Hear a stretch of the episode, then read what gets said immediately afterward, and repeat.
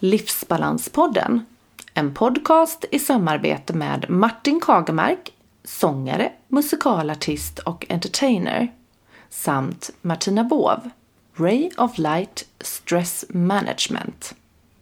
En podcast för alla som är nyfikna på livspusslet, stresshantering och hur man kan hitta sin egen livsbalans.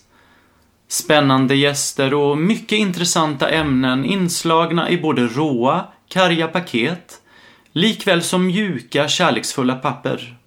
Hur ska vi leva våra liv i balans i en samtid som ständigt påminner oss om förbättringar, effektiviseringar och jäkt för att få vår viktiga livsbalans?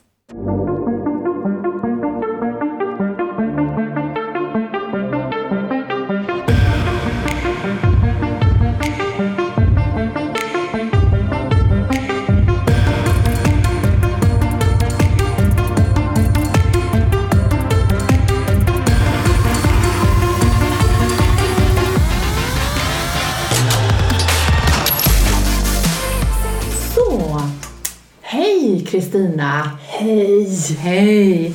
Kristina Krugnell, Ja. du är ju ICF-coach ja. eh, och driver Sockerskolan. Tillsammans med Jessica Eiblad. Ja, just det. Eh, som hanterar problematiken kring socker och gluten och mat. Ja. Mm. Eh, och ni har behandling av sockerberoende och eh, kör detta med ett holistiskt synsätt. Ja. Det stämmer, eller? Mm, ja. Ja. ja.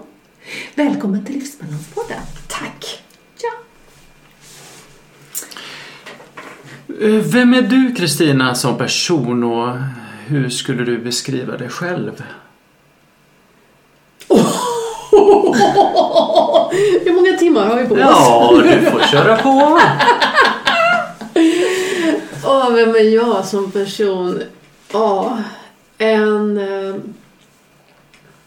idag en person med en stor livsglädje och en stor vilja att leva. En stor vilja att få eh, dela med mig utav den kunskap som jag har kring beroende och kring tillfrisknande. Eh, jag kan ju sätta det som ett före och efter datum. för, före jag kom på att jag var beroende, då, var, då hade jag gett upp mitt liv. Någonstans hade jag gett upp livet. Ja, ja, livet är väl till för att levas någonstans, göras, genomföras. På, bäst, på, något, på bästa möjliga sätt, gå ner i vikt förhoppningsvis. Eh, men när jag kom på att jag var beroende, kom in i behandling för mitt sockerberoende och sen hittade mitt ny, med ett, ett nytt, hittade tillbaka till livet igen. Då hittade jag tillbaka till min livsglädje och eh, min vilja att leva. Kort beskrivning vem Mm. jag är. Annars är jag hundälskande. Framförallt kobbeälskande, min hund. Tycker om skogen, tycker om naturen, tycker om havet, tycker om skärgården. Härligt. Helst, ja, helst ute så mycket som möjligt. Men du, hur kom du in på arbetet med socker och beroende? Och eh, vad var det som var det avgörande för dig där? Jag jobbade som utvecklare, eh, utvecklare på, i en programvara tidigare och eh, hade en längtan att få börja jobba med människor. Jobba mer med människor. Utbilda mig till coach. Jobbade med, som Scrum Master coach på det företag som jag arbetar inom. Kände att, eh, och, och fick börja jobba mer och mer med människorna istället för med tekniken. Och vilket jag är jätteglad för. Och någonstans så hade vi ett, eh, skulle vi ha ett ytterligare ett bantningsprojekt på jobbet. Kom på att nu är det dags att banta, det var jul. Så att, eh, och då började bli poppis med LCHF. Ja. Och ingenjörer som vi var hela bunten kommer på att det där låter ju lite smart för då är det inte bara kalorier in och kalorier ut. Det finns några liksom andra parametrar, hormoner och, och sånt inblandat.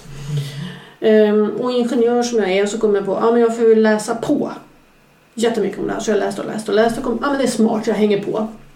Måste ha kokböcker. Köper kokböcker. Jag vet inte riktigt hur jag lyckades beställa Sockerbomben 2.0 men den lyckades jag tydligen beställa av någon anledning. Och får hem den här boken och undrar vad är detta för någonting? Det är ju ingen kokbok. Börjar läsa denna icke-kokbok. Och inser shit, det handlar om mig. Jag är sockerberoende. Mm. Och började då plocka bort socker. Började då liksom min resa genom att plocka bort socker och gluten och började äta LCHF. Och eh, så höll jag väl på i eh, ett halvår ungefär tills jag kom på att jo, men jag vill ju utbilda mig i det här med alltså sockerberoende är ju jättespännande. Jag är coach. Och nu ska, nu ska det börja jobbas med sockerberoende här. Så vill jag då börja, så, så jag kontaktade Bitten, Bitten Jonsson som har skrivit Sockerbomben och frågade får jag börja på din Holistic Addiction medicinutbildning? Och fick tillbaka svaret nej, kanske ska ta hand om ditt eget beroende först. och någonstans då så tänkte jag att ja, det var inte som så jag bara kapitulerade. Okej, okay, jag ska ta hand om mitt beroende först. Utan okej, okay, hur gör jag det här nu? Och då kom jag på att jag kanske ska göra lite annorlunda än vad jag tidigare gjort. För tidigare har jag alltid lyckats mygla mig undan den här grund, grundgrejerna. Men jag kan, jag vet hur man gör. Men jag behöver inte göra grundgrejerna. Så jag har ju alltid myglat på något sätt. Och tänkte, ja ah, men då får jag väl gå den här behandlingen då. Så att jag har gått en behandling. Sen när jag startar en egen behandling så vet jag, hur kan jag få säga att jag har gått en behandling? Jag behöver inte gå den för min egen skull. För jag vet ju hur man gör. och kom i behandling. Och 15 september så, så kom jag på shit, jag är beroende på riktigt. Och bestämmer mig för att genom, inte genomföra behandlingen av någon annan anledning än för min egen skull. Mm. Och eh, var i behandling i cirka ett år. Och efter det så valde jag då att få gå vidare på utbildning för att bli sockerberoende terapeut. Och därefter så har då den här resan till beroendeterapeut tagit fart. Har hon kvar de utbildningarna fortfarande? Ja, ja. ja, ja. Jag vet inte vilken omgång hon går in på nu. Mm, behandlingarna, har nej, hon kvar? Behand, nej. det har hon inte kvar. Men utbildningarna är kvar. Ja. Varför har hon inte kvar behandlingarna? Vi börjar bli några stycken som jobbar med det. Ja, precis. Så hon delar ut det på det sättet ja, då? precis. Mm. Hon, hon, Bitten är ju vad jag förstår intresserad av att jobba med terapeuterna som mm. ska lära sig detta. Hon börjar närma sig pension. Ja. Så att hon vill lämna vidare sin kunskap. Jag förstår. Så att hon utbildar beroende, sockerberoendeterapeuter och eh, nu är hon också inte bara i Sverige utan även internationellt. Mm. Exakt, det är det jag har hört då. Mm. Så att själva beroende och klienter lämnar hon gärna vidare till andra som jobbar med det idag. Och det är vi tacksamma för. Ja. Precis. Både av flera anledningar. Och tacksamma för kunskapen som vi har fått av henne och tacksamma för att, att vi får lov möjlighet att jobba med det. Hon är en hjälpande hand ja. kan man säga då. Ni kan ringa henne och... Oh, ja. Om det är något speciellt så kan vi ringa henne. Ja, ja fantastiskt ju. Mm, verkligen, verkligen. Eh, men Kristina, vilka är dina viktigaste uppgifter i din roll som eh, ja, sockercoach eller vad ska man säga? Bero, socker, sockerberoendeterapeut. Ja, precis viktigaste, viktigaste egenskaper eller viktigaste roll? Ja, viktigaste uppgifter i din roll. Ja. Om man säger. Kunskapsspridande. Mm. Motiverande. Ja. Stödjande. Visa riktningen. Mm. Och kan, hur... kan du berätta lite om Sockerskolan? Hur går det till? Hur Eh, vem söker sig dit och eh, hur... Eh, för eftersom det finns ju ingen behandling där man sover över längre. Mm. Jag vet inte om det finns det. Inom socker finns det ingen, ingen riktig behandling där man sover över. För det fanns det förr? Ja, Mitten hade ett, ett behand, en behandling där man kunde åka till behandlingshem. Exakt, för det är den, när man läser Sockerbomben så läser man ju om ja. det då. Eller om man lyssnar på Sockerbomben. Mm. Uh, så, så det är det sättet. Mm. Hur, hur, arbetar ni? Vi har en öppenvårdsbehandling. Mm. Uh, och öppenvårdsbehandlingen det är nu helt frivillig. Och eh, vi tänker att man vill ju kunna jobba i sitt eget hem, i sin egen hemmiljö. Och eh, då, så när man hittar till oss så är det ofta att man har haft, man har överätit, gömt, smygit, ätit godis, choklad, bullar, kakor, mat på, på de mest galna sätt. Många har försökt banta, banta, banta, banta och så kanske man har gått ner och, och så, så har man då gett sig liksom, efter när man gått ner något kilo eller bara ah, men nu, är det- nu är det bra igen och så, så Kanske man testar att nej, men nu kan jag nog äta lite godis igen. Jag kanske nog kan göra som alla andra, äta en bulle på lördagar eller sin, ja, vad det nu är för någonting man får för sig. Och så sen så faller man igen och så är man i sin antingen hets och kräkning eller hetsätning eller överätning eller gubbvikt. Alltså det finns så många olika, många olika uttryck utav sockerberoendet. Eller, man, eller så går man in i anorexi. Total underätning. Alltså. Strikt kontroll på att man inte får äta någonting. Så att när man har försökt och försökt och försökt många gånger med att kanske sluta eller förstå vad är det för fel på mig. Så börjar man kanske förstå att det är något annat fel än vikten. Det är inte vikten som är felet utan det är någonting annat. Och då brukar man hitta uttrycket sockerberoende. Men att vara sockerberoende det innebär så mycket mer än att vara, än att vara inte ha kunna äta socker. Så att många har ju en, en sträcka från det att man kommer på att jag är sockerberoende tills man tar steget in i behandling. Mm. Och det, den sträckan kan se olika ut. Man kanske hittar in på vår hemsida, kanske kommer på ett, ett webbinar, ett gratis webbinar och lyssnar på om sockerberoende. Kanske följer några, lyssnar på någon podd här eller där eller man kanske ehm, kommer in i någon Facebookgrupp som pratar sockerberoende och så försöker man då kontrollera sitt beroende på ett annat sätt. Mm. Tills en dag när man inser att nej men det här funkar inte längre. Jag klarar inte det här själv. För att tillfriskna från ett beroende det är ingenting man kan göra själv. Utan det behöver man ha andra kring sig. Man behöver någon som gått före. Man behöver ha de som går bredvid en. Så man får den här speglingen hela tiden.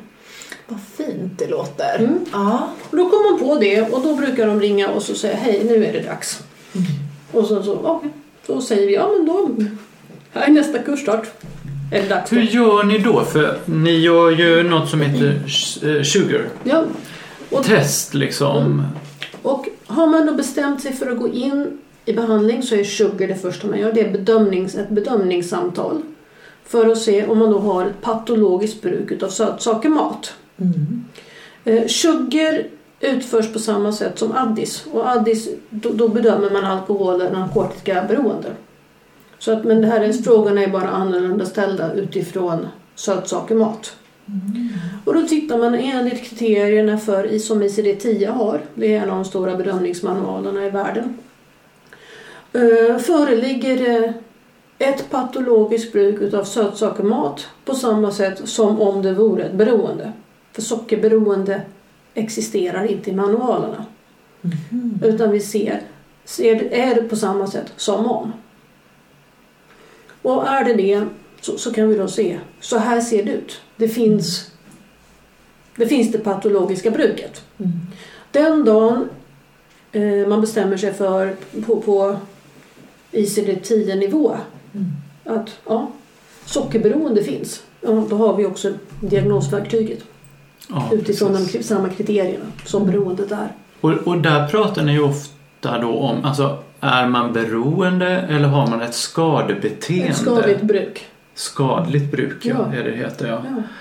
Och kan du säga, vad, vad är skillnaden på de här två? Mm. Eh, finns egentligen tre, tre grupper om man bara tar ett snabbt. Normisar, som vi kallar dem. Sådana som, som, som ja, men jag är sugen på någonting. Jag tar ett äpple. Mm. Eller jag tar en ruta choklad och så är jag bara, ja, nu är jag nöjd. Eh, sen har vi skadligt brukare. Och där, där man, man kanske är med om en skilsmässa, man kanske är med om någonting, en jobbig situation i livet. Eller man kanske inte ens kan laga mat ordentligt och inte vet hur man gör. Och sen så äter man på ett sätt som är skadligt. Alltså man äter glass nätterna igenom eller man äter tröstäter eller man äter fel, man äter pasta till middag, frukost och lunch och middag. Och, alltså det kanske ser helt tokigt ut. Och så kommer man till läkare och läkaren talar om för en, kan du vara snäll, du, behöver, du behöver sluta med det här ätbeteendet för du, du är för tjock, du, värden är fel, allt är som, du, du kommer dö i förtid. Mm. Okej, säger de oftast. Visa mig hur jag gör. Och sen så får de kanske hjälp, de kanske, kanske hittar till LCHF, det är många som hittar till LCHF där, den vägen. Och börjar äta en lågkolhydratkost, tar bort socker och gluten och sen så går de ner en massa kilo i vikt. Och, och, och hittar, ett nytt sätt, hittar ett nytt sätt att leva. Mm. Och kanske kan äta en LCHF-dessert menar, någon gång ibland. Och liksom inga, det, visst, jag blir ingen sugen mer och livet händer och man har sätt att hantera livet på. Och det är oftast de vi läser då när vi läser på eh, löpsedlarna. Ja. Liksom det här då. Ja, och så, så någonstans uttrycker då, säg tidningarna som bli kvitt ditt sockerberoende, gör som de här. Men de har inte ett sockerberoende, de har då ett skadligt bruk. Och gör matförändringen och så kommer resten så kommer resten på, på, på platsen. Eller om man tar till exempel en kvinna som har skilsmässa, livet blir hemskt, äter glass och äter glass och äter glass, tröstar sig då. Och tre månader senare eller något så bara, ja men det här funkar ju inte längre. Mm. Lägger undan glassen, skakar av sig och visst har lite abstinensbesvär några dagar men sen är det bara, ja ja. Det var det. Men kan man inte ha både och? Nej. Jo, men alltså man kan ha ett, ett skadligt man kan, man kan ha beteende som en skadlig brukare om man är be- beroende. Ja, Ja. men inte skadligt Men man- beteende och vara be- lite beroende? Nej. Nej. Nej, för beroendet är en förändring på hjärnan.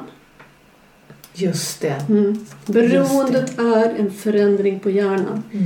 Det är belöningscentrum, alltså det centrum som talar om för oss att vi gör rätt, vi gör fel, Mm. belönar inte. Och det här var väl gott? Det här var väl mm. För alltså, om man äter till exempel en chokladbit så är det inte bara mm, det här var gott, nu njuter jag. Utan det belönar ju som flera tusen gånger mer än vad det ska göra. Mm. Och det är där beroendet sitter. Mm. Beroendet sitter ju inte i glassen eller i vikten utan det sitter i den här belöningen som, inte är, som, som är helt orimligt stor gentemot vad man gör. Mm. Och den känner man inte i skadligt Nej. beteende? Nej. Den finns inte där. Utan där har de fortfarande en normal, en normal belöning. Som gör att man kan ta bort det utan att... Vad Det är är det, ursäkta, men vad är det då som avgör skillnaden? Eh, sitter det i generna eller är det beteendet eller att man har haft ett riskbeteende för beroendebeteende för länge? Att man har haft ett, en, eh, en dålig livsstil lite för länge så att det har blivit till ett beroende? Eller vad är det som är avgörande då för att få ett beroende eller Mm. inte? Om man tittar först på anledningar varför ett beroende utvecklas. Mm. Då har ju arv med. I alkohol så pratar man om att det finns 17 gener som samspelar. Så att har föräldrar, farföräldrar, morföräldrar ett beroende så har man en, en lättare att utveckla det. Alltså då Ja. finns det en känslighet. Precis som vilket annat, annat man har med sig i sina gener också. Så att generna ger, och då får man, eftersom det finns för socker så man anta att det är likadant för eller det finns för alkohol som man antar att det finns är likadant för socker eller de andra beroendena som spel eller narkotika. Mm. Ehm, sen behöver du tillföra drog. Du behöver tillföra det som hjärnan blir känslig för. Och när man har tillfört det så, behöver så, så kommer du i tillräckligt stor mängd. Så säger hjärnan ah, ding ding, det här var bra. Precis som man kan höra då att vissa blir alkoholister på, på första gången de dricker. Ja. Andra behöver hålla en lång tid innan den här felbelöningen har utvecklats. Så man behöver tillföra på något sätt. Och det gör vi ju i, mat, i liksom lördagsgodis, fredagsmys och, och allt vad man nu gör. Så Mm. tillför man ju socker. Både äkta socker och, och fusksocker. Sen så har vi en kultur som tillåter. Det blir fler beroende i en kultur som tillåter. Har man en strikt kultur, nej vi tillåter inte den här typen av beteende inom vår, ramen av vårat, i våran kultur. Då blir det också färre som är beroende utav i den kulturen. Och sen behövs någon typ utav traumatisk händelse som, som då klingar an i detta som man då har löst också genom att, genom att gå till sin drog. Till exempel någon i skolan sa fula byxor du har eller vad man nu, liksom någonting och så går man till fritids och äter nyponsoppa. Mm. Och så händer någonting i min hjärna då. Den här belö- jag får belöningen, jag mår bra. Mm. Och då har, liksom, då har systemet börjat fatta ihop att ah, jag mår bra när jag gör den här, äter de här sakerna. Mm. Det kan fortfarande vara helt omedvetet. Ja! Givetvis. Då. Och då pratar vi kanske att du kanske inte alls är gammal i det här läget. Nej. Men det kan, den här första, första sakerna kan komma väldigt, väldigt tidigt. Redan som barn, ja. Ja, barn, tonåring. Mm. Och sen så börjar, sen så börjar, det liksom, så börjar man lösa livet med den här lösningen. Man Ja. tillför mer socker, man går hem efter skolan och rör ihop sina rörer och så får man den här mm, och mår bra. Man börjar gömma kanske, stjäla pengar från mamma för att kunna gå och köpa godis. Och den här fredags och lör- lördagsgodiset kanske blir liksom livsviktigt. Eller man går och mm. nallar sockerbitar eller vad man nu gör för någonting. Mm. Eller som i min värld, ja bröd. Bullar, bröd, bröd, matbröd, bröd. Mm. Pålägg och liksom, det var min grej. Jag menar, när jag var liten. Mm. Så, så att eh, det finns många olika, alltså, många olika sätt som vi kommer in i. Och, och fortfarande så är det ingen som misstänker beroende. Nej. Utan man bara ser att det här barnet äter, den här tonåringen äter lite för mycket. Ja. Äter lite felaktigt. Går upp i vikt. Mm. Mamma säger till. Banta. Eller någon. Nu börjar du bli tjock, du borde banta. Eller vad man nu säger till, till, till det här barnet. Mm. Varpå man försöker kontrollera beroendet. Man försöker kontrollera en vikt som är ett uttryck utav någonting annat. Mm. Och då kommer kontrollen in. Och så försöker man kontrollera. Men eftersom man då har en kontrollförlust över mat. Mm. När jag äter en bulle, när jag äter godis, när jag äter glass, när jag äter de här sötsakerna. Så händer det, så då får jag den här belöningen i hjärnan som säger mm, bra, yeah, Mm. mer. Ja. Och då kan inte jag bara äta en tallrik godis. Eller en tallrik glass eller en påse godis. Utan då, då, när jag äter den så vill jag ha mer. Hur skulle man kunna hjälpa ett barn då som kanske känner så? Som Man måste pra, här... prata med barnet. Ja, Man måste ja. prata. Och, så för, barnen behöver ha en förståelse. Ja. Så det behöver inte vara kontroll. Nej, precis. För jag tänker att det är ju inte helt ovanligt Nej. att eh, Mm. Barn har de här problemen. Ja. Och familjer har Mm. de här problemen. Ja, intressant Ja. alltså. Verkligen. Och eh, om man tittar liksom på stressiga livssituationer. Ja. Hur hanterar du det idag då med tanke på din bakgrund inom det här också? Idag måste jag hantera min, alltså jag, jag behöver hantera min stressnivå i kroppen. Mm. Som, som beroende, alltså ett, det här felaktiga ätandet i, i beroendet, när man äter felaktigt i sjukdom, alltså när man fortfarande är i, i tillsjuknande, Mm. så stressar det ju kroppen enormt. Vilket gör att man har en högre inre stress ofta. Så att det blir ett väldigt litet utrymme till att kunna hantera livet på. I tillfrisknande så handlar det först och främst om att då liksom ta bort socker, gluten, de produkterna som stressar mitt system. För det felaktiga ätandet stressar systemet. Tar jag bort dem, ser till att jag har rätt byggstenar för kroppen. Och också då, och sen så, det, det är liksom en grund. Så att inte systemet ligger och, och, och stressar på grund av felaktig kost. Och eh, sen behöver ju jag som beroende, och, och här inför alla beroende, vi behöver ju då förstå eh, förstå vad, eh, vad stressar mig. Jag kan bara kontrollera min reaktion Ja. på det som händer. Mm. Och det är ju en stor del i tillfrisknande att börja förstå vad, hur reagerar jag på saker och ting? Hur reagerar jag på möten? Hur, vilken typ av människor reagerar jag på? Vilken typ av eh, situationer blir jag stressad utav? Hur mycket sömn behöver jag? Vad, be- alltså, vad behöver jag för att hålla mig i balans? Vad är dina triggers? Skulle man väl egentligen Ja, kunna... Ja, mina, käns- mina känslomässiga triggers. Ja. Och, och när jag börjar, ju mer jag identifierar vad går jag känslomässigt igång på, Mm. då vet jag också hur jag ska hantera mig själv och också hur jag kan bemöta. Skydda mig själv och bemöta. Mm. Och, och där blir ju mitt... Och, och, och ha tillit till att så länge jag hanterar mig själv så kommer det bli bra. Mm. Och vad, vad skulle du säga är den vanligaste orsaken till att folk anlitar dig? Hur långt har de kommit med sig själva då? De flesta har försökt det mesta. Ja. De flesta har försökt allt Mm. som går att försöka för att hantera sitt felätande.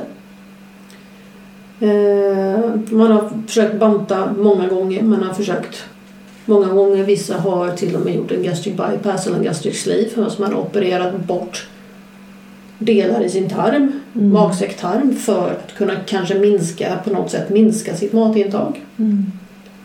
Man har, man har försökt allt. Man har kanske bett kan någon sy igen munnen på mig. Eh, Man har varit på ätstörningskliniker, man har varit på alla möjliga ställen Mm. Och inte kommit till rätta med sin problematik. De hittar till mig.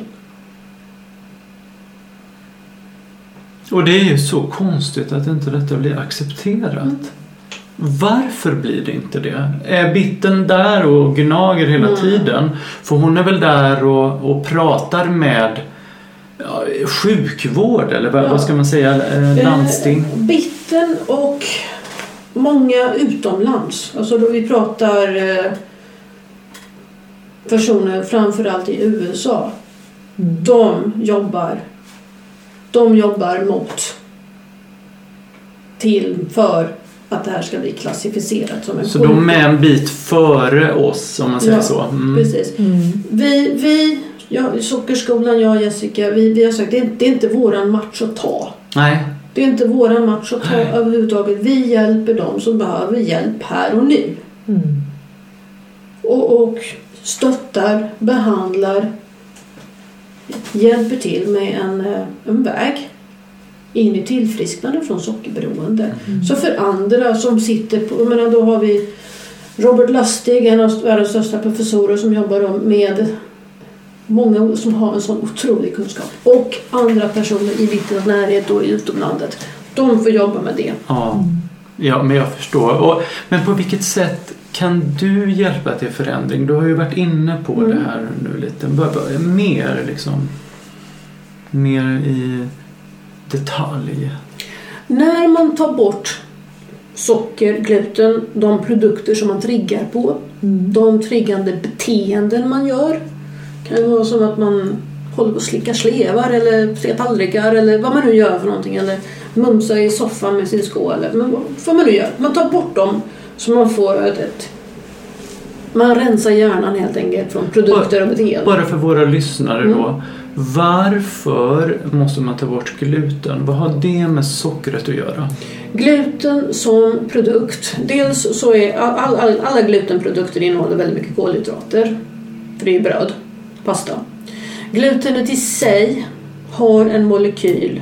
När den bryts ner så blir det en, peptid som påverkar våra beroende hjärnor väldigt negativt. Precis, bara så vi reder ut det, varför man inte ska äta gluten. Ja, så att glut, gluten, alltså glutenprodukter, då pratar man om man pratar bröd, pasta. Då är det dels av glutenet och dels för den stora kolhydratmängden. Så det är två anledningar om man tar bort den typen av produkter. Ja, precis. Mm. Förlåt, jag Ja, störde dig mitt i Mitt i, vad, vad, din förklaring. Vad, Eh, vad man På gör. vilket sätt du kan Ja. hjälpa till förändring. Ja, så när man tar bort produkter, man tar bort beteende, man stoppar in en väldig massa kunskap. Vad händer i hjärnan när man äter de här produkterna? Vad händer i hjärnan när man gör de här beteendena? Hur funkar beroendet? Hur utvecklas beroendet? Hur påverkar beroendet var och en som går i behandling? Hur har det sett ut för mig? Och när, jag då, när man då som klient hos mig börjar förstå, aha, det här, de här fysiska, psykiska, sociala och andliga eller existentiella konsekvenserna har det funnits i mitt liv. Och så börjar man då få nya verktyg. Hur hanterar jag livet annorlunda? Vilka risksituationer har jag i mitt liv? Ja, jag ska gå på middag här. Okej, jaha, vad kommer de bjuda på på middagen på maten? Men det vet jag inte. Men då måste man kanske ringa och prata med värdinnan först och fråga vad ska du bjuda till middag? Är det någonting som jag kan äta? Eller kan jag komma med ett förslag på hur skulle man kunna bjuda annorlunda? Eller ska jag ha med mig någonting? Eller, och hantera alltså just själva matfrågan som om det är en allergi. Mm. För hade jag varit fiskallergiker då hade jag ju också ringt och frågat. Mm. Ja, det låter ju väldigt vettigt. Ja, Ja. om man är fiskallergiker så är det ganska vettigt. Ja, nej, men liksom att utgå ifrån en allerg allergitänket Ja. liksom. Mm. Precis. Och, och, och, och, då blir, och så, så ju mer verktyg man får hur jag hanterar livet, mer kunskap så att jag kan fortsätta att vara fri från socker, gluten, andra, mina andra triggerprodukter, vad det nu är för någonting som choklad eller nötter eller någonting sånt där. Och alla mina beteenden, så jag slutar, jag slutar med de här sakerna. Och om man då, så att när livet händer, för livet händer. Det handlar inte om att jag ska isolera mig på, på en öde ö eller inte gå ut och umgås med människor eller alltså stänga in mig och bara vara hemma själv. Utan jag ska sen när jag liksom börjar hitta hur gör jag det här? Hur gör jag livet på ett annorlunda sätt? Och där har vi ju sen en stor del av stressen också. Men jag ska ut och möta livet med det här i mitt bagage. Alltså jag, jag har den här sårbarheten i mig. Jag har den här känsligheten i min hjärna. Och den- med den här sårbarheten och känsligheten i min hjärna så ska jag ut i mitt vanliga liv. Och möta människor med oförstående. Människor som tycker att man ska kunna äta lite av allt och det är konstigt att inte äta socker. Jag ska kunna möta händelser på mitt arbete. Jag ska kunna möta situationer. Jag menar, sorg uppstår i allas liv när, när vänner eller anhöriga, eller hundar eller djur går bort. Så händer det ju saker i mig som, som, som påverkar mig. Dels stressande och dels liksom, med, med allt som händer. Hur, hur hanterar jag det på ett sätt när jag inte har min gamla lösning som är sockerbullar, mat och som leder mig åt en helt felaktig riktning. Så, så det handlar om att lära sig leva, leva livet på ett helt nytt sätt. Och det är egentligen det som är essensen av sockerskolan då? Ja, hur gör man detta? Hur lär man sig leva, leva livet på livets villkor utan att ta till sin snuttefill, sin drog? Ja. Som vi vet kommer leda någon helt annanstans. Och, och är det det du kallar för en hälsosam livsstil?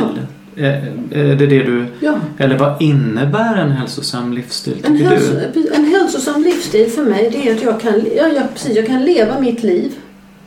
Vara närvarande. Jag kan vara närvarande i mina relationer. När jag går på middag idag så, så sitter jag och tittar människor i ögonen och är väldigt nyfiken på vem är du? Vad sysslar du med för någonting? Varför beter du dig så? Vad gör du för någonting? Hur funkar detta? Alltså det bubblar ju massvis med nyfikna frågor på människorna runt omkring. Ja. Känner du det när, när du är fri ifrån Ja. a, a, att du blir nyfiken? Ja. ja. Att du kan vara här och nu Ja. mer? Mm. Hade, hade, hade jag varit här i, i, när jag var i, i sjukdom och i bullar, alltså jag bara funderar på, undrar om de har bullar där ute i köket. Ja. Undrar undra om det finns någonting där ute. Ja, men jag såg någonting på vägen in här. und, alltså, undra hur jag ska kunna komma förbi där på vägen ut. Jag ska nog härifrån. Men, vänta, nu har jag suttit, hur länge har jag suttit här nu va? Nu ska jag nog kunna, vänta, nu är det nog ganska lagom. Så jag, men jag, jag, Ica har öppet fortfarande så det är bra. Så att då hade ju min tankeverksamhet varit Någon helt annan någon helt annan. Då har jag inte ens varit här, alltså i huvudet. Och det, det är en stor skillnad för mig i, i att kunna hantera livet på livets villkor. Sen, sen självklart att, att kunna hantera mina känslor. Så att minsta lilla känsla så känns det inte bara "Aah!" gå in i värsta dramat kring känslorna. Eh, kunna hantera mina tankar. Allt som jag tänker är inte sant. Bara för att jag tänker en tanke så är den inte sann. Kanske finns, eh, mitt huvud kanske har fått för sig någonting som, i mitt, som, som den får för sig är sann. Och, och sen så har jag också den, den fysiska läkningen av min kropp. Mm. Har jag ätit så fel som jag har gjort i så många år? Jag kom in i tillfrisknande när jag var 45. Har jag ätit fel någonstans som det var i mitt liv, 25-30 år? Det fanns en hel del saker att rätta till i min kropp. Det fanns en vikt som skulle gås ner och det fanns leder och det fanns liksom en mage som skulle lagas. Och det, det fanns ett, ett, omo, ett fysiskt omående som skulle läkas. För vad är det som händer med våra magar när vi äter för mycket socker Mm. egentligen? Och hur påverkar det vår hälsa i stort? Ja, du... Man säger, vår- I magen, magetarm, en, en sak som händer bara. Alltså, Ja. En sak, magetarm finns väldigt många bakterier. De ska finnas där. De ska äta en varierande kost. Ehm, och det här är ju inget konstigt, det finns ju hur mycket forskning som helst på. Mm. Om jag äter en väldigt ensidig kost så är, göder jag bara vissa utav de här. Andra får ingen mat och de dör ut kanske, eller så blir de väldigt få. Gör inte sitt arbete. Av där så kommer en stor obalans. Till exempel, där kan en obalans komma in. Sen en annan obalans är ju vikten, viktökningen. Mycket av den mat som jag äter kanske inte stöder ett läkande utan kanske är vad man kallar inflammatorisk.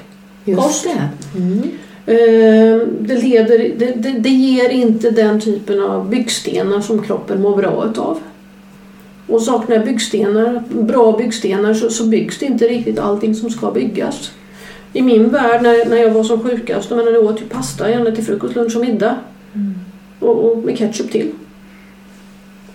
Eh, hur, hur näringsstatusen blir utav en sån diet vill jag inte riktigt tänka på egentligen. Men det, det saknas en och annan vitamin, mineral eller spårämne kan jag ju liksom lugnt konstatera.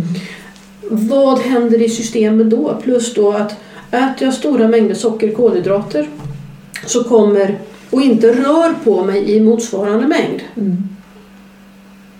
då, då kommer det ju sätta sig på vikten. Mm. I mitt eget liv så jobbade jag som servitris när jag var 20-25. Jag gick någonstans 2-2,5 mil om dagen bärandes på tunga saker. Det syntes ju inte på mig någonstans att jag hade en, en, jag kunde äta enorma mängder. Och det, det behövdes ju för jag rörde på mig på sånt sätt. Men när jag slutade arbeta in, inom restaurang men systemet ville ju fortfarande ha lika mycket socker. Alltså hjärnan ville fortfarande ha lika mycket socker. Och då Precis. orkar ju inte kroppen med. Så, Alltså, det fanns ju ingenstans. Energin var ju tvungen att ta vägen någonstans. Och då sa ju kroppen också poff. Mm. Och vikten kom. Så det är ofta vikten man märker det på. Med allt vad det innebär sen. Med, med skad, alltså hjärt-kärl, diabetes typ 2. He- Hela det metabola syndromet som kommer med det. Mm. Så att det, det är så många delar som ska läkas i ett tillfrisknande. Hur motiverar du dina klienter och, och kunder? Kunskap. Kunskap. Så, alltså, så mycket kunskap som möjligt. Förstå vad är det som händer i hjärnan. Liksom, och vad, vad händer när man äter? Vad händer, vad händer i allt detta? Så här funkar det. Mm. Blir reaktionen att du får mycket aha-reaktioner Mm. då? Ja. ja. Jaha, är det därför jag gör sådär? Ja, kanske. Det- Och det är då du märker att ditt jobb ger Ja. utdelning, eller Ja. hur? Mm. Jobbet, den, sto, den stora Alltså den största, den största glädjen det är ju när en klient efter, som, som, som jag har vissa klienter som har levt i tillfrisknande, har börjat få nu två, tre, fyra år. Ja. Ringer och säger Hej. Ni har förändrat mitt liv. Mm. Ni har räddat mitt liv. Jag har ett liv idag. Mm. Det är Det, det är ju häftigt alltså. Jag, jag vet ju att ni har något som heter nystart Mm. och ni har eftervård Mm. också. Så att det är därför man kan fortsätta så pass länge Ja. då liksom. Så att man är och ser. Man behöver aldrig falla ur systemet Nej. om man säger. Att läka en hjärna från beroende, det tar någonstans 12 till 18 månader. Minst. Och det gäller alla Det typer gäller utav alla typer av beroende. beroende. Och det är liksom inte bara socker utan det beror på vilken skada man har, har fått på sin hjärna. Mm. Och det är ingen som riktigt kan gå in och titta på en hjärna sådär. Man, eh, möjligtvis kan man göra i- genom skanningar och sånt men har inte, det, det, det gör man inte inom beroendevård överhuvudtaget. För det är inte, beroende är, ligger inte så högt prioriterad. Vare sig det är socker, alkohol eller narkotika. Den, de klienterna är inte högt prioriterade. Och det är ju egentligen väldigt märkligt. Med tanke på att det är hjärnan vi pratar om som är så spännande. Ja, Mm. och att det finns så många typer utav beroenden. Ja, eller spelberoende. Ja, Ja. för vad jag har förstått det som, eh, vi satt ju här och pratade lite innan eh, vi satte igång nu. Och eh, vad jag då har förstått det som, då är det ju det att samma delar utav hjärnan, Mm. det vill säga belöningssystemet, blir ju triggat och eh, hanterar detta på samma sätt. Ja. Eller hur? Ja. Så att alla beroende delar har du egentligen både kunskap och vetskap om som du förmedlar vidare då i din sockerbehandling. Sk- Skillnaden mellan de olika utloppen, om man säger som så, om det är alkohol, spel, sex och kärlek, socker, mat. Just det. Alltså det är kunskapen runt omkring. Hur hanterar... Alltså jag först behöver jag ha igenkänningen. Vad händer i mig när jag gör den här drogen? Hur funkar det här utloppet för mig? Hur, funkar, hur, hur, hur får jag de negativa konsekvenserna? Vilka är de negativa konsekvenserna i detta? mm. Eh, och och jag, jag kan spegla till en viss mängd, eller till ett visst mått, i andra utlopp. Men handlar det till exempel om alkohol, att en klient kommer in som vi hade härom, häromdagen, vi pratade med en klient som har gått in i ett alkoholutlopp efter att ha varit i tillfrisknande socker. Och hon behöver gå en alkoholbehandling. Hon behöver gå där, där personal och de runt omkring henne kan verkligen spegla henne i vad händer i avgiftningen för alkohol. Mm. Hur funkar det här? Och, och så att den klienten kan få ett fullgott tillfrisknande. Är det själva avgiftningen då som den stora skillnaden kan vara mellan de olika beroendena? Ja, avgiftning, konsekvenser, hur ser det ut, hur ser Ja. utloppen ut? Just det. Så det är ju väldigt, väldigt svårt eh, när klienter då eh, hoppar från det ena till det andra Ja. hela tiden. Liksom. Mm. Ehm, Och det är som, som och det, då, vad du nämner just nu, det, det är som vissa brukar kalla för addiction interaction disorder. Man byter ett beroende mot ett annat Ja. helt enkelt. Precis, jag slutar äta socker, gluten, okej, Mm. då går jag in och börjar tokträna. Jag får ett utlopp i träning. Det kan jag tänka mig kan vara ganska vanligt. Ja, och eller? sen så slut, sen kom jag på att det var jobbigt att träna så pass mycket för jag fick en förslitningsskada någonstans. Då får jag sluta med det. Då kanske jag börjar shoppa hej vilt. Mm. Och sen kom jag på att plånboken blev lite tom och kronofogden kom. Ja, då kom något annat. Men hur gör man då när man har så många olika beroenden eh, som går in och ut i varandra? Och, Vad- Mycket kunskap. ja, De, de behöver ju träffa, de behöver få människor som kan, kanske kan tala om det här.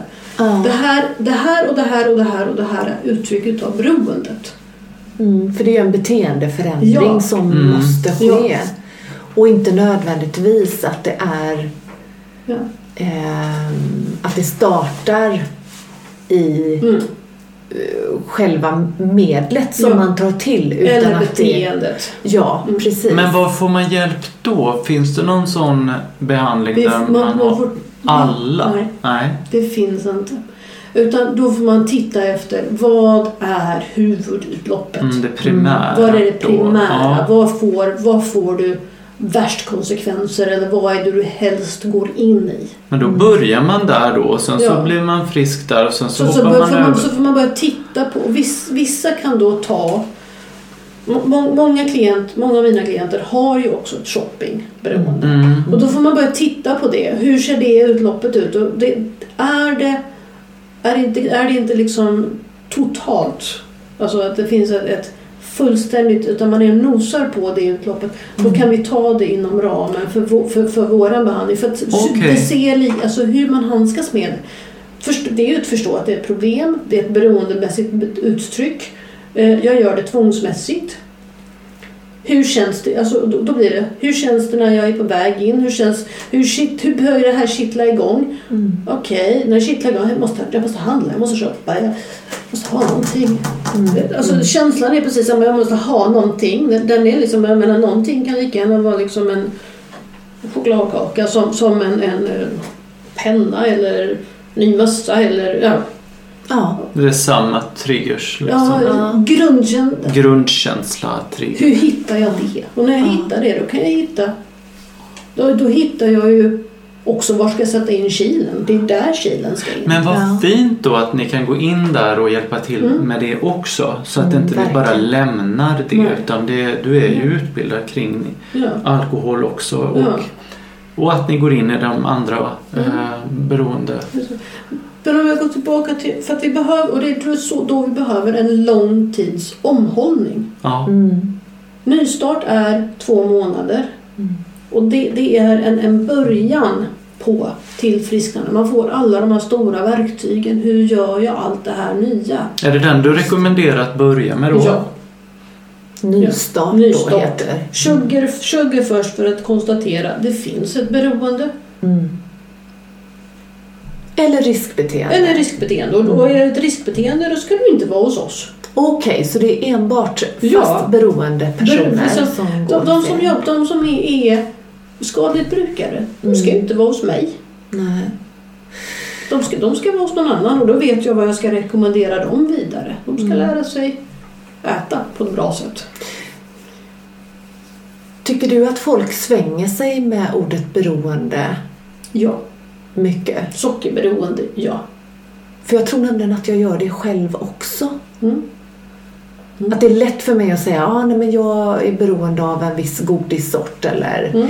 eh, lite sådär. För att det är det jag, som är mitt förstahandsval om Mm. jag ska äta godis. Men det är, inte, det är inte ett måste för mig att äta Mm. godis. Eh, för då måste jag bara fråga. Mm. För det här tycker jag är lite intressant. Mm. Har ens personlighet någonting med risken att kunna utveckla ett beroende att göra. Om, eh, till exempel om man är en svartvit människa som kanske är lite mer åt allt eller inget hållet Mm. i, och som har tagit sig an den eh, livsstilen i sitt liv gällande det mesta. Att man tar i från tårna när Mm. man gör saker eller att man har eh, känslomässiga uttryck som tar sig uttryck i kropps... Eh, Mm. eh, ja, jag vet inte hur jag ska förklara det men eh, eller, eller så kanske man är lite mer åt det tråkiga svenska lagom-hållet Mm. och kanske inte har samma benägenhetsrisker att kunna... Ser du någon skillnad i de personlighetsdragen? Svartvit tänkande Mm. är ett, ett typiskt sätt att tänka som beroende. Och speciellt som sockerberoende. Antingen så är jag strikt och följer den här smala, smala vägen med, med, med min diet. Mm. Och har jag avvikit minsta lilla från min diet. Ja. Jag, alltså om säger att jag bestämmer nu att jag äter så här. Tre salladsblad om dagen eller vad jag nu kommer på att jag ska äta för någonting.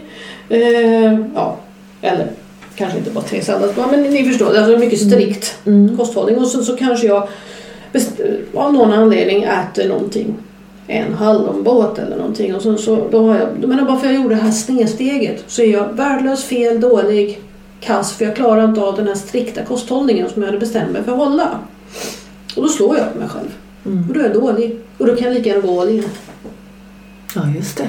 Så att det är en, en, en någonting fel som Mm. inte var, kanske inte handlar om en hallonbåt så det kanske handlar om att nej, men jag skulle bara äta de här salladsbladen och så äter jag kanske en morot. Mm. Men då är det fel! Då är det tvärfel. Då är jag dålig. Då kan jag lika gärna äta 17 chokladkakor. Mm, precis. Så den, den, den tanken finns ju ofta hos många Ja. som är sockerberoende. Precis.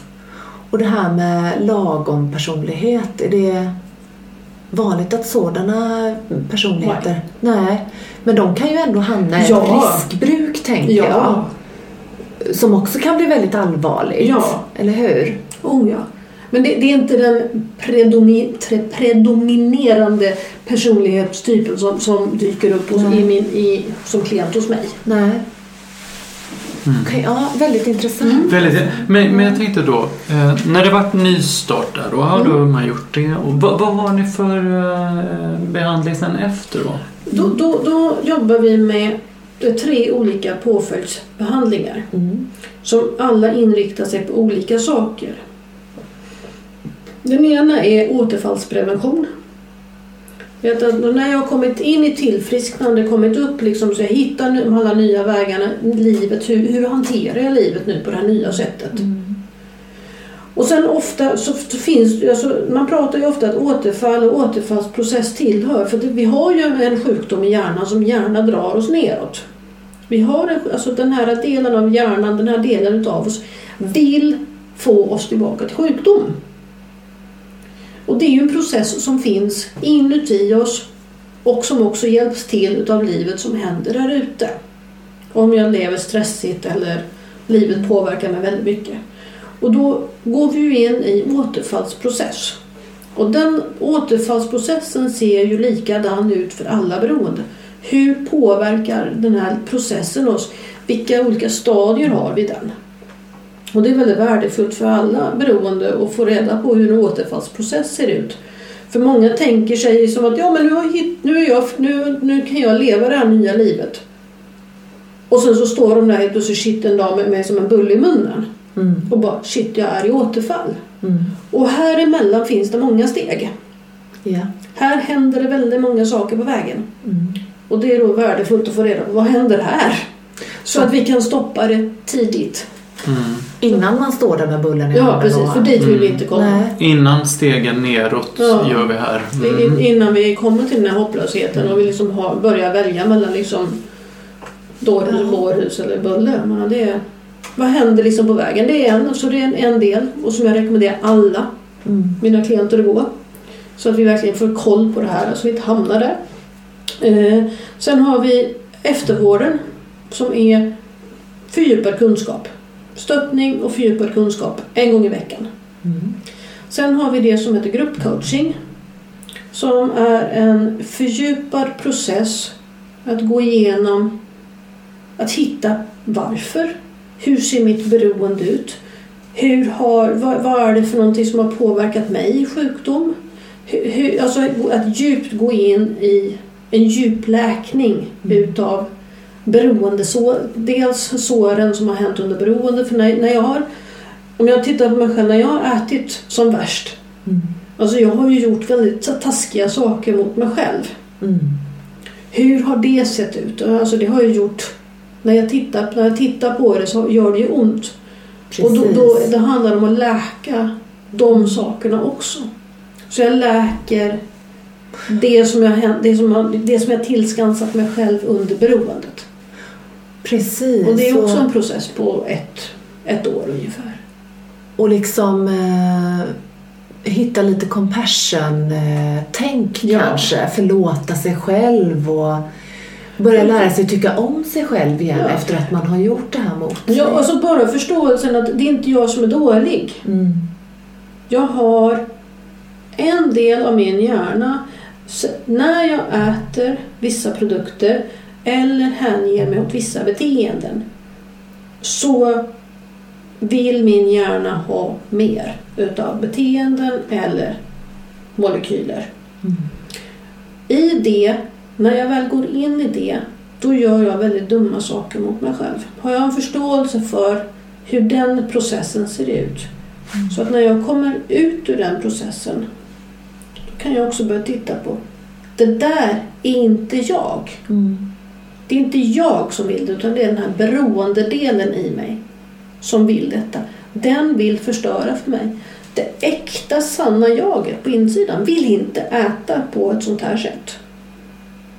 Det äkta sanna jaget i mig vill leva på ett schysst bra sätt. Vill tycka om sig själv.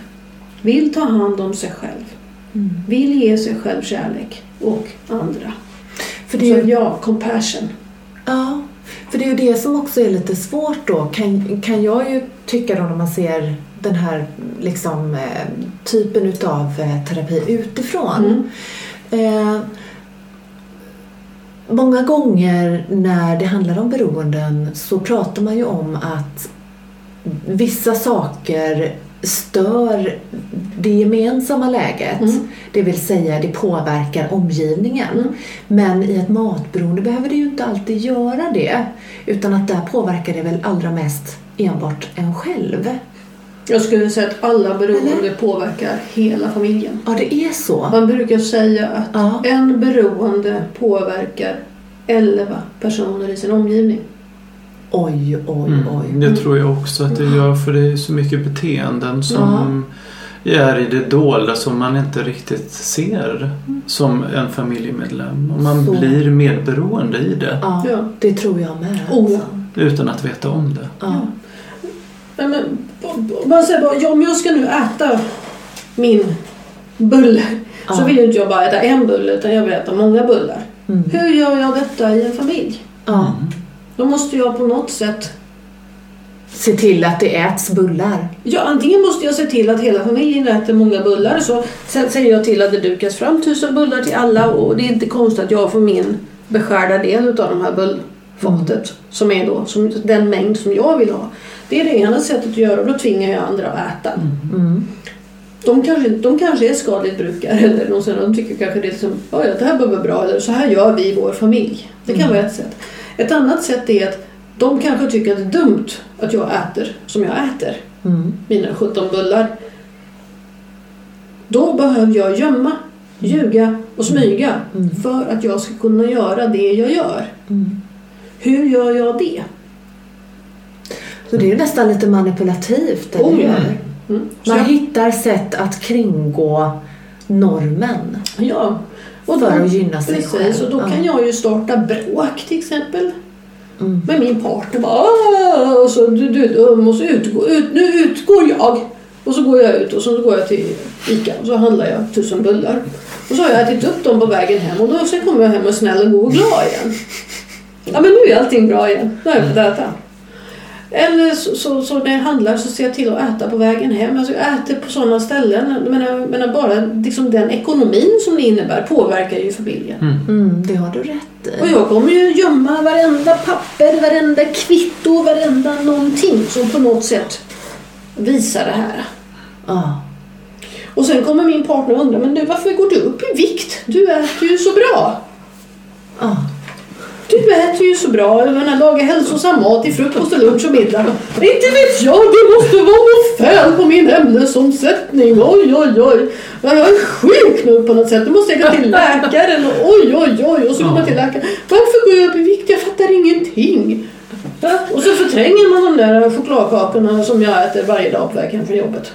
De, de finns ju inte. Det är ingen annan som har sett dem, så de finns ju inte. Nej. Så ja, familjen påverkas. Ja. Men, Ja. och men, men, jag inser ju Ja, detta. precis. Men på, ett annorlunda, precis, men på ett annorlunda sätt än om det hade handlat om alkohol eller narkotika. Ja, Såklart, ja. Mm, Ja. mm. men självklart så påverkas familjen. Och, och, och självklart så påverkas mitt arbete. För när jag sitter där och gör mitt arbete så funderar jag ju med en viss mängd tid på hur ska jag kunna gå och äta min hur ska jag kunna komma ut i köket och äta? Eller hur ska jag kunna mumsa utan att mina kollegor undrar vad jag håller på mycket jag äter? Eller Ja. allt det. Vi hade ju en fråga här också. Kan alla bli coachade in, inom sockerberoende? Eh, alltså, då menade vi väl på de som är i beroende, Ja. eller hur? Mm. Eh, eller hur Martina? Precis. Eh, och, och det kan... Min vetskap är ju att det, det kan ju inte alla. Om inte man vill. Nej. Beroende kallas ju definitivt för förnekelsens sjukdom. Mm. Man förnekar att man har ett problem. Mm. Jag har inga problem med mitt sätt att äta. Det bara påverkar min vikt. Så att det är inte jag, jag alltså, att vara beroende är superskamligt. Ja. Så att jag vill inte vara beroende. Och, och, och någonstans för att kunna gå in i ett beroende så måste man förstå, eller en beroendebehandling så måste man förstå att man har ett beroende. Mm. Det handlar inte bara om att fixa vikten. Utan det, och det är... Jo men att man får förståelse Ja. att man är beroende under tiden Ja. också. Att inte man kanske vet det i början utan Ja. att det växer sig starkare då, Ja. det är det du menar? Ja, precis. Det, alltså, det, någonstans måste man ha kapitulerat inför, ja, jag har ett problem med mitt ätande. Mm. Jag har ett problem med mitt ätande. Innan dess så kan jag inte coacha en person till tillfrisknande. För då handlar det om åtgärder. Hur ska jag äta? Alltså då handlar det bara om maten. Man måste alltså ha kapitulerat inför sig själv. Ja. Ja. Det är det det handlar om. Ja. Och när man har då Mm. Och det, det kan man göra tillsammans med, med oss. Eller, men man behöver en... Jag hade ett inledande samtal här i, häromdagen med en klient. Vi har ju alltid inledande samtal med alla som, som söker till oss och så pratar Ja, vi igenom en stund. Hur ser det ut för dig och så här kan vi hjälpa dig. Och så bara, nej, jag har nej, nej, nej, det är inte, det är så mycket behöver jag inte. Nej, okej. Mm. Du, du är, du, för att det handlar ju också om att jag behöver, alltså så när man går in i tillfrisknande, jag behöver ta bort produkterna. Jag behöver ju ta bort socker och gluten och Mm. allt det här från min kosthållning. Mm. Nej, det är jag inte beredd att göra. Nej, okej. Nej. Då, då, då, då, okej. De har inte kapitulerat. Utan då får vi-.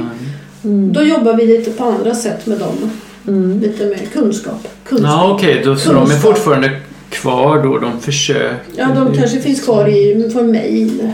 Liksom, Ja. Mejlutskick. Mm. Men sen så finns det ju andra behandlingar kring det här som heter, kan du berätta lite om dem? Som är lite liknande AA-möten.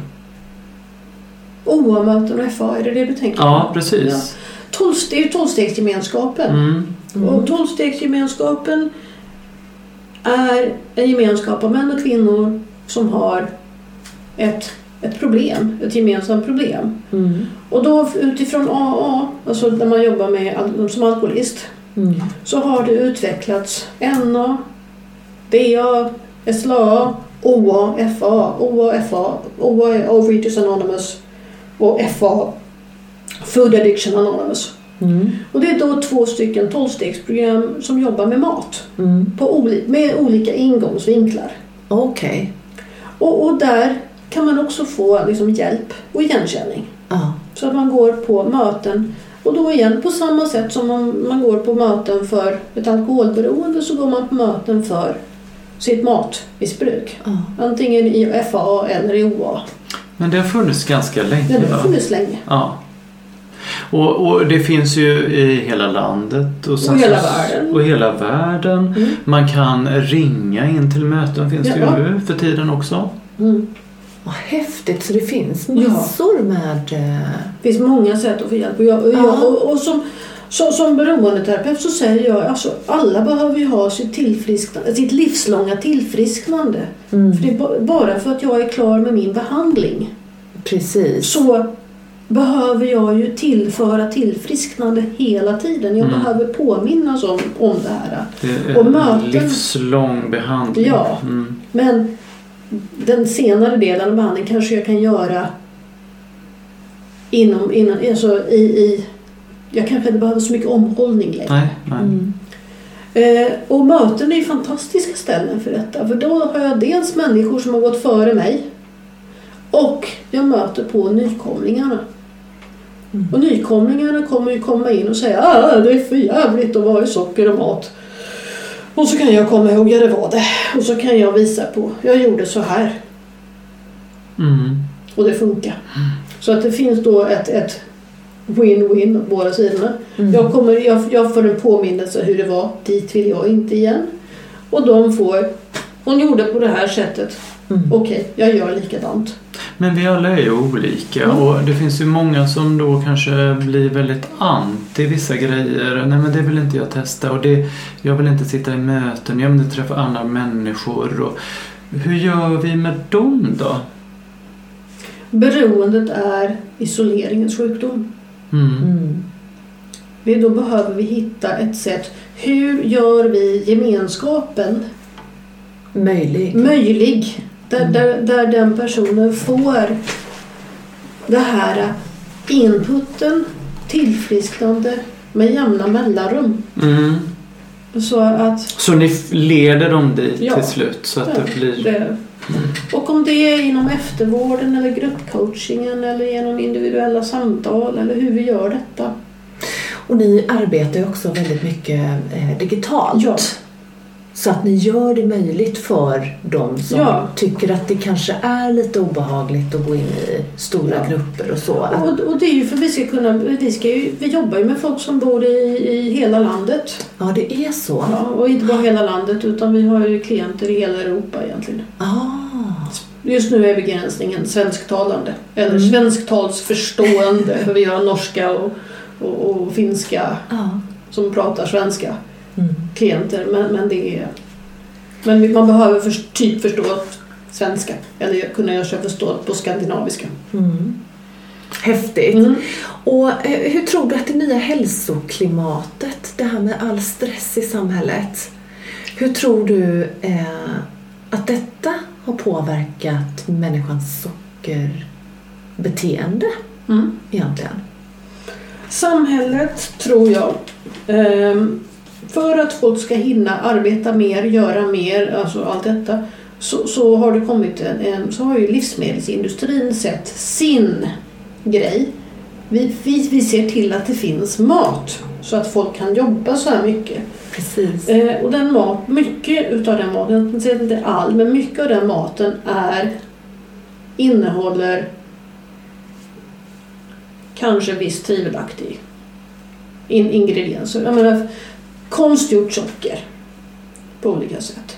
Eh, eller så kommer man på att det här med, med socker, eh, så det ska ju inte vara fett i maten. Då tar man bort fett och då ska det smaka så måste man tillhör, tillhör, tillsätta någon socker och sådär. Så att och, då, och det är ju enklare att gå och köpa sig något halvfabrikat eller något sånt där och, och laga. Eller äta en sötad yoghurt. Eller alltså allt det här. Så att ja, det, det påverkar ju där ute. Mm. N- När, när samhällsklimatet är arbeta mer och så, så får vi då i oss mat som inte riktigt funkar i våra system, som stressar systemen. Mm. Så då har vi då liksom, Men du tycker ändå att den här maten funkar för normisarna? nej. Nej. Du menar på att det inte funkar Alltså, bra det, för det, dem alltså, egentligen? nej. Alltså, det, det, det är klart ja. att det inte gör, men de hamnar ju inte i ett beroende och ett precis. skadebeteende. Men eh, det är ju ingen bra mat. Men, nej. men det kanske inte blir sådana eh, konsekvenser för dem. Precis. Eh, Får hjärt-kärlsjukdomar. Ja, ja, precis. Det blir ju det ändå till slut. Eh, Men det är väl mer dem de tänker på då. De tänker ju inte på de som är beroende och Nej. har skadebeteende. Det är ju det som är det Ja. hemska. Ja. Precis. Så att ja, ja, det påverkar. Så jag, jag säger så ju mer mm, bra, rik, äkta mat alltså, Mm. vi kan äta. Och, och tyvärr så ser jag som man yngre, yngre generationer kan ju inte laga mat idag. Mm. De, alltså, de har aldrig fått lära sig det. Utan man, man köper halvfabrikat. Och då, då finns det också en del. Hur, hur lagar man bra mat? Mm. Hur tillagar man en, en råvara, äkta råvara till att bli en bra maträtt? Mm. Från grunden. Från grunden. Ja, det blir så värre och värre med åren. Mm. Med barn så har de inte hemkunskap. De, det finns ju hemkunskap i skolan. Mm. Det gör det ju. Ja. Eh, Men jag tänker de få timmarna mot liksom, hur Mm. tillagar man Ja. Mm. det här. Jag, vet, jag kommer ihåg min hem, hemkunskap. Levergryta skulle vi laga och så var någonting annat. Det är det enda jag minns. Och Mm. ing, jag minns ingenting annat. Nej, ing- Nej. nej, precis till med på våran tid Ja. var det dåligt. Mm. Mm. Och nu är vi ju gamla. Lite, lite mot eh, Ja, men det... från Ja. medelåldern. Jo, men man tänker ändå... Ja, men på sina föräldrar och så. De gjorde ju från grunden. Mormor gjorde från grunden. Och, ja, alltid. så var det ju. För det fanns ju inga halvfabrikat på den tiden. Nej. Men jag, jag hade ju en diskussion med min, min mamma och moster här förra gången jag träffade dem. Mm. Eh, Och jag kommer ju från södra Skåne och, och de var ju en av de första familjerna då i Trelleborg som hade, de hade inget frysskåp hemma utan de hyrde ett frysskåp på stan. Oj. Och det var ju så liksom frys fanns då på, Mm. på, på 30-40-talet. Alltså det var, inget, det var ingenting man hade i sitt hem. Nej. Utan det var ju liksom ungefär som vi hyr ett Shurgard-förråd. Ja. Så, så hade då, det var mamma berättade, alltså vi kan åka, mamma mormor skickar då iväg dem. Ja, men gå till frysen och hämta detta. Så går ner på stan och hämtar någonting ur frysen. Ja. Ja, men det var inte en, alltså, Ja, och då det pratar vi liksom 40-talet. Precis, Och det, det var låter ju lite det var ju liksom- absurt. Precis, det var inte ens var man, alltså, det var liksom, det var alltså välbeställda människor som kunde hyra ett frysskåp. Träffades man vid frysskåpet liksom. Ja. Mm, och tjattrade lite. Ja, precis. Nej, men så att Ja. det är så pass nytt. Ja. Det är inte så länge sedan. Nej, det, det är ju häftigt alltså. Så att, och då var man ju tvungen att laga mat från grunden. Ja. Och eh, Kristina, vad tror du är eh, avgörande för att få eh, den fina återhämtningen i, i vår stressfyllda vardag? För att undvika de här livssituationerna.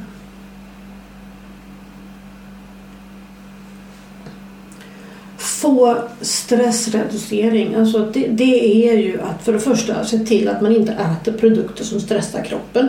Mm. Vare sig man är beroende eller inte beroende. Att se till att jag äter produkter som min kropp mår bra utav. Min kropp, min hjärna mår bra utav. Mm.